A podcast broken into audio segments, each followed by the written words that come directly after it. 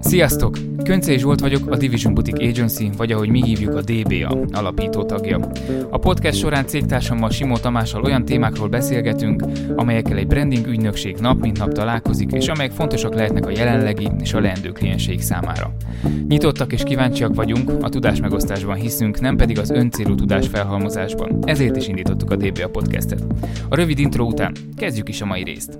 Sziasztok! Ez a DBA Podcast harmadik adása. A mai adásban a branding stratégiáról fogunk beszélni, egy elég kemény téma, de mi nem félünk, és azt mondtuk, hogy egy picit beszéljünk erről, mert hogy azt láttuk, hogy nagyon sok ügynökség épít brandet, de a stratégiai munka valahogy kimarad. Sziasztok! Én is ezt tudom alátámasztani, hogy leginkább az itthoni piacra jellemző tisztelet persze a kivételnek, hogy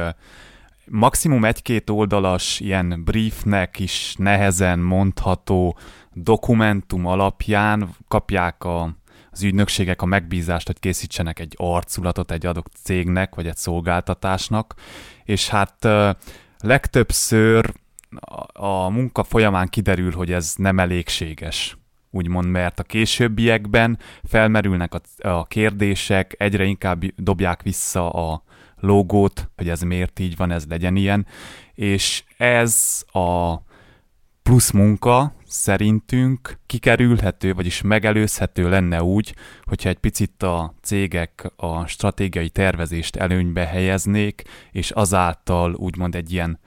egy nagy összetett koncepciót biztosítani magának az egész branding folyamatnak, és hát erről készülünk most egy picit beszélni, hogy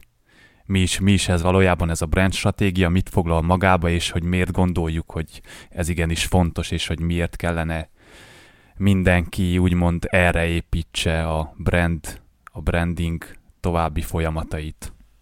Hogyha rákerestek a, a neten, az első dolog, amit kidob a net, az a Wikipédia, és nagyon érdekes, hogy a Wikipédia összekeveri a brand management a brand stratégiát, de hogy ezt tudjuk, hogy a kettő nem ugyanaz. Hogyha pedig a, elkezd az ember jobban kutakodni, akkor rájövünk, hogy sokféle meghatározás van, de a mindegyik meghatározásnak ugyanaz az eszenciája, és a stratégiából indul ki, hogy mi, mit is jelent a, maga az a szó, stratégia. És itt van például uh, a Mark Pollard féle meghatározás, amit mi is uh, szeretünk,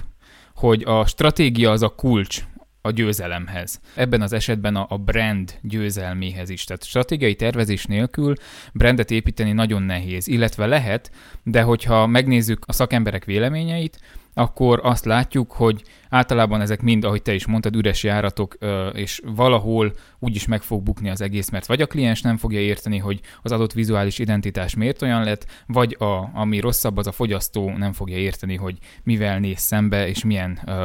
brand köszön vissza éppen termék vagy szolgáltatás formájában. Picit, hogyha megnézzük azt, hogy konkrétan mi is ez a stratégia, vagyis hogy mik tartoznak ide, vagy hogy ezt a folyamatot hogyan lehet felbontani jobban, akkor hát így egy mondatba úgy foglalnám össze, hogy megvizsgálni a, magát a szolgáltatást, a terméket, a piacot, a célcsoportot, a különböző lehetőséget, a kihívásokat, veszélyforrásokat és a különböző lehetőségek segítségével egy olyan pozíciót találni a terméknek vagy a szolgáltatásnak, ami által elérheti úgymond a, a, a kívánt célt, vagyis amit te is említettél, a győzelmét, hogy a győzelemhez vezetni egy ilyen stratégiai tervezés által, hogy ne csak az legyen, hogy csinálunk egy új logót, hanem megtervezzük ügyesen, hogy hogy jön be a termék a piacra, miben különbözik a konkurenciától, és hogy hogyan, a, hogyan képes elérni a, a jól meghatározott célcsoportokat. Igen, nagyon sokan félnek amúgy attól, hogy egy ilyen stratégiai tervezésben vagy folyamatban részt vegyenek, akár egy workshopon, akár egy ilyen, nem tudom, egy keretrendszer segítségével ezt valahogy fe- megpróbálják feltárni. Tehát fontosabbnak gondolják azt, hogy, hogy akkor egy jó designer készítsen valami látványos, vizuális anyagot, és akkor azzal lépjünk a piacra. Holott ugyanúgy, a, tehát egy picit csak ismételni tudlak, mert hogy valóban ez az eszenciája a stratégiának, vagy a brand stratégiának is, hogy egyrészt találjuk meg a, a, a brandnek a célcsoportját, találjuk meg a brandnek a céljait, találjuk meg a problémákat, találjuk meg a lépéseket, amelyekkel esetleg ezeket a problémákat meg tudjuk oldani, és, és, és még nagyon sok minden van. Mi itt a DBA-nál, nekünk is van egy, egy keretrendszerünk, vagy egy frameworkunk, amivel dolgozunk, és nagyon fontos az is, hogy ezek a keretrendszerek legtöbb esetben módosíthatóak kell legyenek, mert hogy minden kliens más és más. Az fontos megemlíteni, hogy ez a stratégiai tervezés, ilyen kollaborációs folyamat, magával nem csak a klienssel, de magával a a kliens fogyasztóival is, meg a csapattal is, és egy ilyen uh, csoportterápiás jellege van, amikor te, mint brand stratéga, neked az a feladatod, hogy a kliensből kihozd azokat a rejtett tartalmakat, amit talán még egy nappal azelőtt még ő sem gondolt a saját cégéről, mert személyes tapasztalatunk is van, hogy amikor mi is ezt a workshopot a, ö, lenyomjuk, akkor olyan új információkat tudunk meg, amit, amire még maga a megrendelő is néha rácsodálkozik, hogy basszus, ezt én se tudtam, de ezért fontos a stratéga szerepe, mert a stratégia nélkül a kliens magától nem mindig jön rá. Persze mindenkiben van az, hogy miért, miért csinálja a céget, vagy van egy ilyen elgondolás, de ezt egy stratégia tudja különböző kommunikációs készségekkel, meg egy jó felépített ilyen workshoppal vagy kérdőivel annyira kibontani, amire majd lehet építeni egy brand, branding folyamatot. Nagyon élvezem a Steph Hammerlinkes meghatározást, hogyha már arról beszélünk, hogy, hogy ki mit gondol a, a branding stratégiáról. Ő azt mondja, hogy a brand stratégia az egy, ez egy platform, amely hidat képez, vagyis összeköti a business stratégiát a brandinggel és a marketinggel. Nagyon sokan azt gondolják, hogy el, először a brand stratégiát kell megcsinálni, mielőtt bármi mást csinálnánk. De ez nem így van, mert hogy először a business stratégián kellene végigmenni, azokat a, a faktorokat meghatározni, majd utána jön a brand stratégia, és utána jön a branding és a marketing, és a brand stratégiai folyamat során kapott eredmények visszahatnak a business stratégiára, illetve hatnak a brandingre és a marketingre. Egy ideális esetben minden mindenre kellene, hogy hasson, de már az egy jó pont, hogyha eljutunk oda, hogy megértsük, hogy először business stratégia, utána brand stratégia, és utána beszélhetünk brandingről és marketingről. Tehát, hogy valahogy ezt a folyamatot kellene összekötni, vagy hogy végigmenni lépésről lépésre, és nekem ezért tetszik a Steffes meghatározás, mert hogy ő, ő szépen kibontja azt, hogy ez egy olyan platform, és mondjuk ő a platform alatt e, használ egy ilyen, egy ilyen hasonlatot, mint egy felszállópálya, hogy a branding és a marketing mint két repülő felszállhat onnan, és hogy, hogy az, hogy hidat képez, a, a brand stratégia, a hídon való közlekedés az általában kétirányú, és hogy akkor itt is a, működik az, hogy a business stratégia és a brand stratégia közt, és a brand stratégia és a marketing branding közt legyen információ áramlás, és hogy az egyik a másikat befolyásolja. A design megoldásoknak 80%-ába a stratégia adja az alapját, és csak 20%-a maga a kivitelezés. És ez a legtöbb főleg itt a hazai piacon leginkább fordítva van, sőt, szinte azt lehet mondani, hogy száz százalékot csak a kivitelezés, és legtöbbször személyes tapasztalat alapján nem működik. Egy idő után rájössz, hogy vagy nincs elég információd ahhoz, hogy te egy olyan, egy olyan arculatot, vagy egy olyan vizuális identitást építs, ami megállja a helyét, vagy elindítod az adott, az adott márkát egy vizuális identitással, ami majd a, a jövőben nem éri el a kívánt célt, mert a kívánt cél jelen esetben meg se volt határozva. Picit ez egy ilyen foltozás, vagy én úgy gondolom, hogy egyesek úgy értelmezik ezt a vizuális identitást, hogy hamar készítsünk nekik egy logót, meg egy kis arculatot, hogy hamar tudjanak elindulni, de nincs a, a hosszú távú tervezés nincs, nincs végig gondolva. És hogyha már beszélsz hosszú távú tervezésről, akkor azt is mondjuk el, hogy a brand stratégia az egy valóban hosszú távú befektetés, tehát nem fog azonnal megtérülni, hanem úgy kell gondolni rá, ami, ami ad nekünk egy keretet, amiben tudunk mozogni, amiben a brand tud mozogni, és ami mindig tud nekünk bevételt hozni. Valóban ez lenne az ideális eset, hogy úgy szülessenek meg vizuális identitások, hogy már tudjuk, hogy mire készítünk vizuális identitást, de egy picit ugorjunk el a vizuális identitástól, mert hogy ez rossz tapasztalatunk nekünk, hogy erről szól a brand, és az első két podcastben elég sokszor elmondtuk, hogy nem a logó a brand, de hogy minden más típusú branddel kapcsolatos ö, fejlesztés vagy termék, az is a stratégiától függ. Beszélhetünk itt, itt a verbális identitásról, beszélhetünk itt messagingről, beszélhetünk magáról a névről, ami nagyon-nagyon fontos, ugyanis nagyon sokan azt is csinálják, hogy már kitalálják a nevet, és az a brand, és lehet, hogy a stratégiai workshop alatt rájövünk, hogy hát ez nem a legjobb név, de nem tudjuk kibillenteni a klienst, mert hogy ő ezt már kitalálta. És hogyha beszéltél arról is, hogy hogy milyen a viszony a, a kliensek és, a, és a, a kreatívok közt, akkor azt is mondjuk el, hogy a brand stratégia az mindig egy közös munka te, mint brand stratéga, vagy te, mint branding tanácsadó cég, vagy te, mint branding ügynökség, és a kliens, vagy te és a fogyasztó, vagy te és a belső csapatot. Számomra elképzelhetetlen az, hogy valaki beül egy számítógép elé, és egy épülő brandnek megcsinálja egyedül a brand stratégiáját, úgy, hogy éppen a klienssel nem beszél, vagy éppen nem a csapatával nem beszél, vagy a fogyasztókkal például nem beszél. Mondtuk ezt a kérdőívet, meg a workshopot, hogy ezek a kérdések így lehet, hogy a kérdőívbe megjelenő kérdések lehet, hogy így elsőre nagyon egyszerűnek tűnnek, de mikor ott van az ember, hogy így tényleg válaszokat kell adni rá,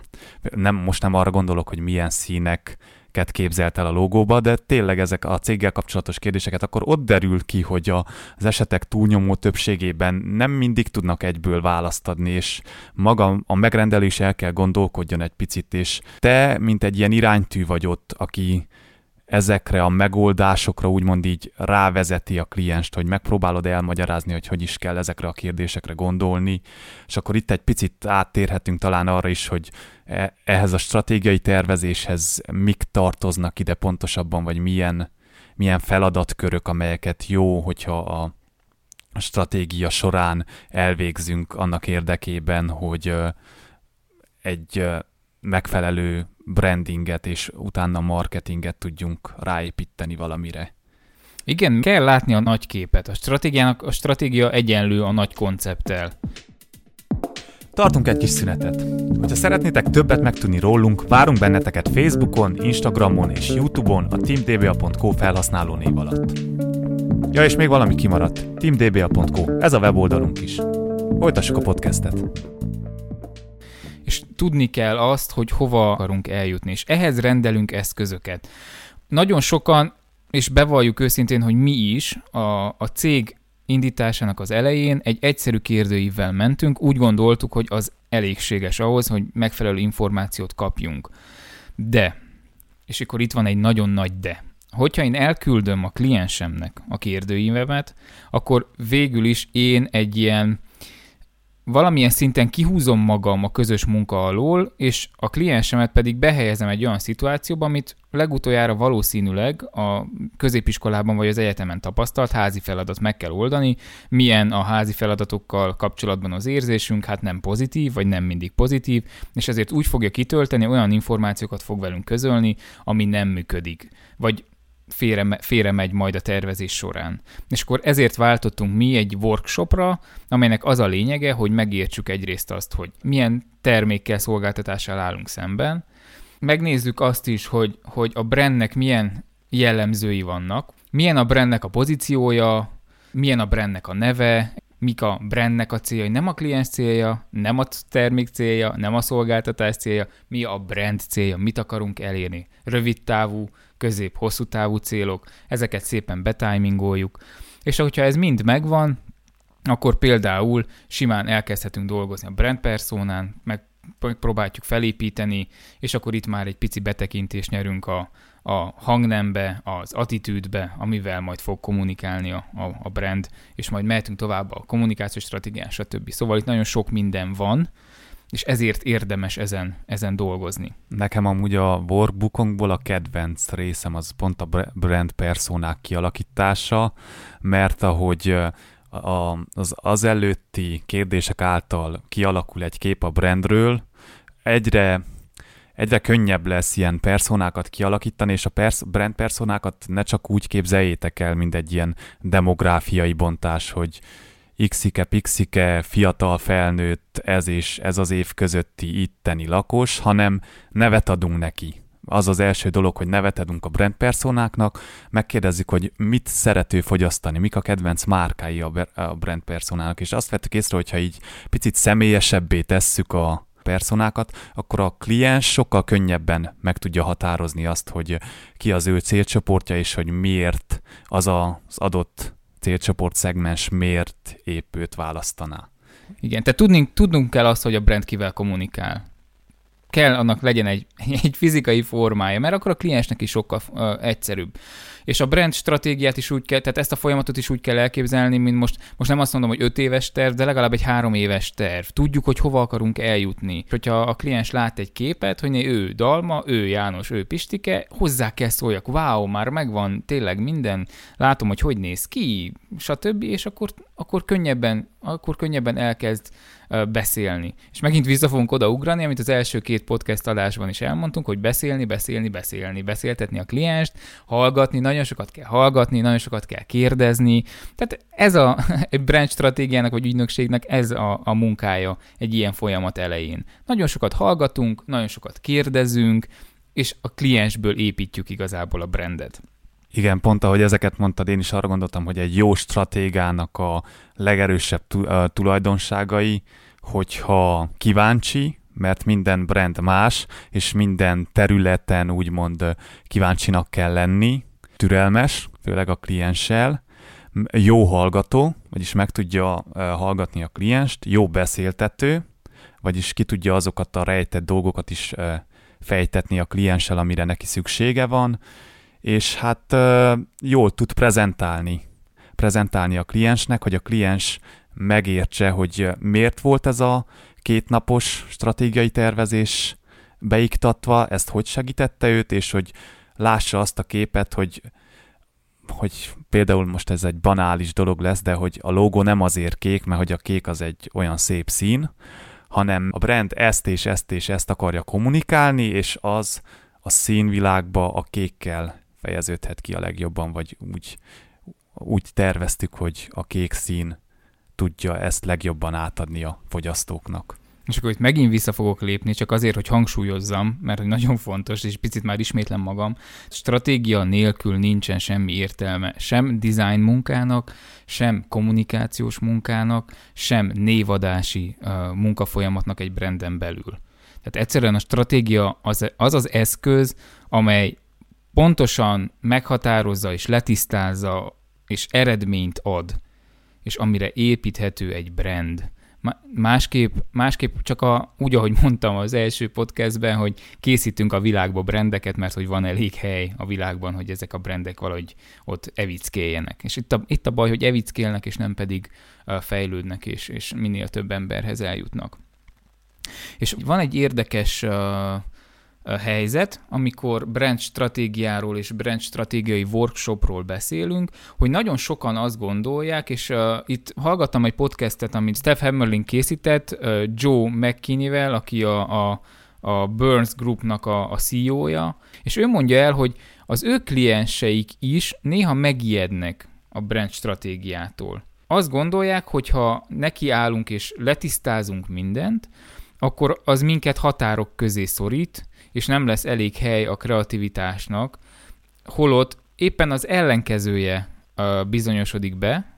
hogy minél tisztább eredményt kapunk, annál nagyobb lehetőség van az adott eredmények tekintetében a kreativitásnak. Hogyha valaki úgy dönt, hogy brand stratégiával szeretne foglalkozni, és azt érzi, hogy a kliens meg van ijedve, hogy most ő kell beszéljen, és hogy igazából azokra az információkra építik majd, vagy épül majd a brand, vagy éppen az általa elmondott és a stratégiából eredményül visszakapott információk alapján meg kell változtatni a brandet, az mondja el az adott kliensének, hogy igen, ezeket az eredményeket kaptuk, igen, ezek az eredmények tőled és esetleg a fogyasztóitól származnak, és ne félj ezektől az eredményektől, mert ezek az eredmények csak segítenek téged, és hogy igazából ettől a pillanattól kezdve sokkal magabiztosabban nyithatsz és készíthetsz vizuális anyagokat, és készíthetsz kampányokat, és kommunikálhatsz, és, és megjelenhetsz akár a, a piacon. Tehát, hogy ez egy segítség. Azt hiszem pont ebbe a podcastbe volt arról is szó, hogy amiért ez nehéz számukra, az, az, vagyis nekem úgy jött le, mert ők leginkább startupoknak csinálnak brand stratégiát, és a startupok világa egy picit más, mint a kis vagy a nagy cégek világa, mert hogyha valaki alapít egy céget, akkor jobb esetben meghoz egy olyan döntést, hogy akár a pénzt félretesz, ott hagyja a munkahelyét, erre gyűjt, ebbe bele, belefektet mindent. És a startupok világa ezzel szemben azért másabb, mert ott egyik napról a másikra jelennek meg dolgok, tűnnek el, és úgymond a startupoknak résen kell lenniük, és abban különbözik, hogy nem olyan nagy az áldozat a cég alapításért, mert hogyha nem, ők előbb ki akarják próbálni a usereken, tesztelni, és csak utána utána elkezdeni brandinget építeni. Szóval ezért is szokott lenni, hogy a startupoknak mindig a, legel, a legelején egy ilyen nagyon mindegyiknek szinte egy ilyen nagyon ronda logójuk van. Mert ez még nem annyira fontos az elején. Nekik az a fontos, hogy leteszteljék a userekkel, és ebből kiderül, hogy lenne rá kereslet az adott innovációnak. És hogyha ez nem megy, akkor ezt az ötletet el lehet dobni, és lehet a következőre menni. Szóval sokkal gyorsabban pörög, és ezért sokkal nehé, nehezebb nekik megérteni azt, hogy miért, miért kell stratégia, tervezés, mert ők nagyon gyorsan szeretnék inkább felmérni azt, hogy van-e kereslet a piacon az ő termékükre, szolgáltatásukra, és csak utána, utána fektetni bele többet, hogy brandingelni, meg marketingelni esetleg ezt a terméket, és azt hiszem Joe azt is mondja, hogy ezért nehezebb a startupoknak, mert nekik nem lehet egy, nincs, sőt nincs is sokszor értelme olyan szempontból egy nagy brand stratégiát felépíteni, hogy, hogyha nincs kereslet a termékre. Mert te, ha felépítesz egy stratégiai tervet, meg arculatot, meg mindent bele, ölsz egy csomó pénzt, időt, energiát, és úgy látod, hogy a felhasználóknak nincs szükségük a termékedre, akkor igazából egy csomó,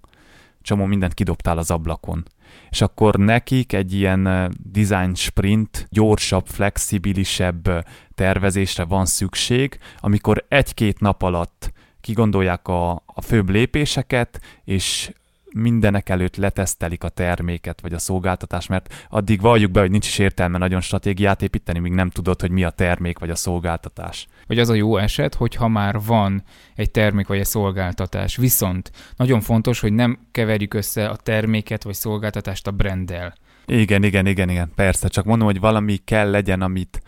amit, vagyis olyan értelemben, hogy kell tudni, hogy mit akarsz a fogyasztóknak eladni. És az a baj, hogy a legtöbb startupnál tudod, mivel azok nagyon innovatívak, legtöbbször még ne olyan dolgokat hoznak, ami, amire még nem volt példa. Nem olyan, mint egy étterem, hogy például tudod, hogy na jó, én most egy éttermet szeretnék ide, a startupoknál pedig, mivel nagyon újak, mi, először mindig prioritásban van a tesztelés, ezért is a legtöbb startup nagyon ilyen úgy mondva idézőjelben gagyi logóval indul, mert nem az a fontos, hogy milyen a logó, először azt kell megnézzék, hogy a usereknek mennyire fekszik a termék, és ha működik, tetszik a usereknek, és van rá kereslet, akkor kezdenek el úgymond a, a hosszú távú tervezésen gondolkodni, és akkor majd lesz egy rendes logó. Ha megnézzük a Facebooknak is a legelső logóját, meg azt, hogy milyen komplex brand, brand ident, vizuális identitása van ma, amiben beletartozik a WhatsApp is, az Instagram, már minden a Facebook neve alatt fut, hogy honnan indultak és hova értek el, ott is látszik ezt, hogy egy ilyen innovatív uh, startupként indult, ami úgymond uh, a felhasználóknak bejött, volt rá kereslet, és ezért uh, hosszú, kialakították ezt a hosszú távú folyamatot, amikor is egy, na, egy brandet építettek rá, ami már erősebb, mint maga a startup, vagy igen, tartatunk majd egy olyan podcastet is, ahol a startupokról és a, a design sprintekről beszélgetünk, mert hogy az egy teljesen más, valóban egy teljesen más világ. Viszont ez nem azt jelenti, hogy, hogy például nem lehet fontos egy startupnak egy stratégiai tervezés, vagy éppen um, jó letisztázni, hogy mit értünk startup alatt, hogy aztán a hallgató nem mondja azt, hogy hát de Sim azt mondta, hogy a startupoknak nem kell, és akkor én az enyém egy startup. Jaj, persze, ne, ne, nem ezt mondtam, csak azt próbáltam itt kifejezni, hogy lehet, hogy az elején nekik jövedelmezőbb egy ilyen design sprint, hogy megtudják, hogy teszt, tudják letesztelni a dolgokat, és majd utána, majd utána a hosszú távú tervezés. és Joe is ezt mondta, hogy amúgy azt látja, hogy amelyik startupok a tesztelés után befektetnek hosszú távú stratégiai tervezésbe, sokkal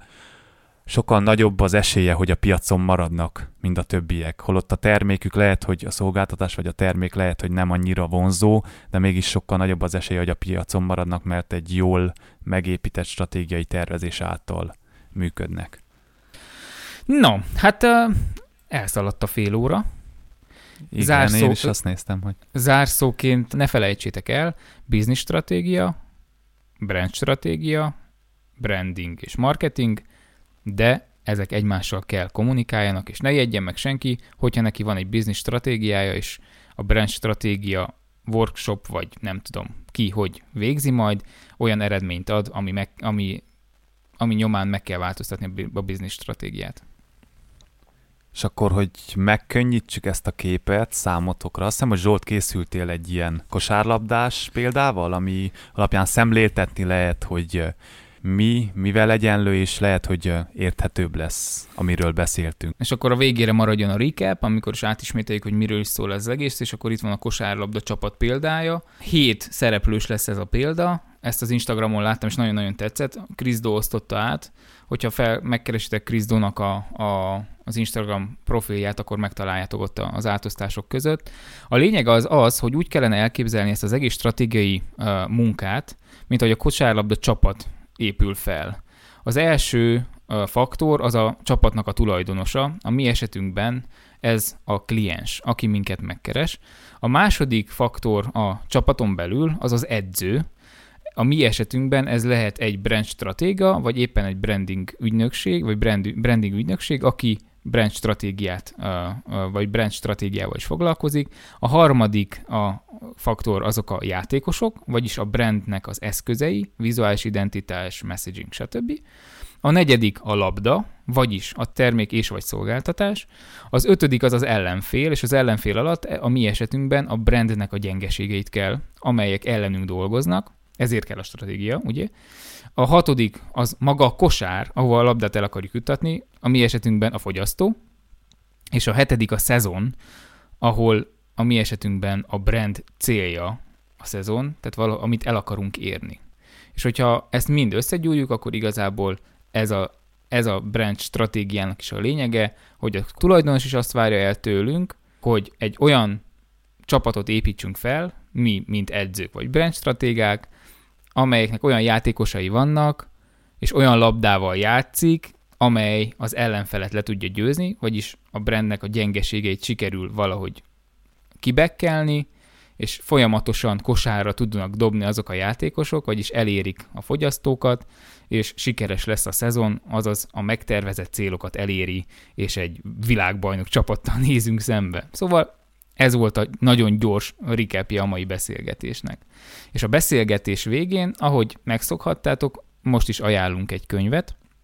és ez uh, nem más, mint uh, Alina Wheelernek a Designing Brand Identity, egy elég vaskos könyv, nem egy olcsó könyv, viszont aki brand stratégiával szeretne foglalkozni, annak mindenképp tudjuk ajánlani, vásároljátok meg, angol nyelven van,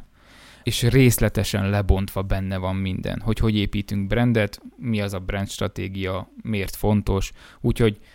Alina Wheeler, Designing Brand Identity. És be is linkeljük majd a podcast alá, hogyha minden jól megy. Így van. És még egy annyit szeretnénk hozzátenni búcsúzás előtt, hogy jövő héten pedig a branding folyamatáról akarunk beszélni, lépésről lépésre bontva, szóval le lesz bontva szépen, hogy hogyan kezdődik egészen addig, amíg átadjuk a vizuális anyagokat a kliensnek. Úgyhogy szerintem mindenképp megéri majd velünk tartani. Csak a vizuális anyagokat adjuk át? Ö, nem, de ez még titok. Majd jövő héten kiderül, hogy minden mást is átadunk. Jó, köszönjük szépen, hogy velünk voltatok ebben az adásban, és akkor találkozunk legközelebb a branding folyamat bemutatásával. Köszi szépen, további kellemes időtöltést, sziasztok! Sziasztok!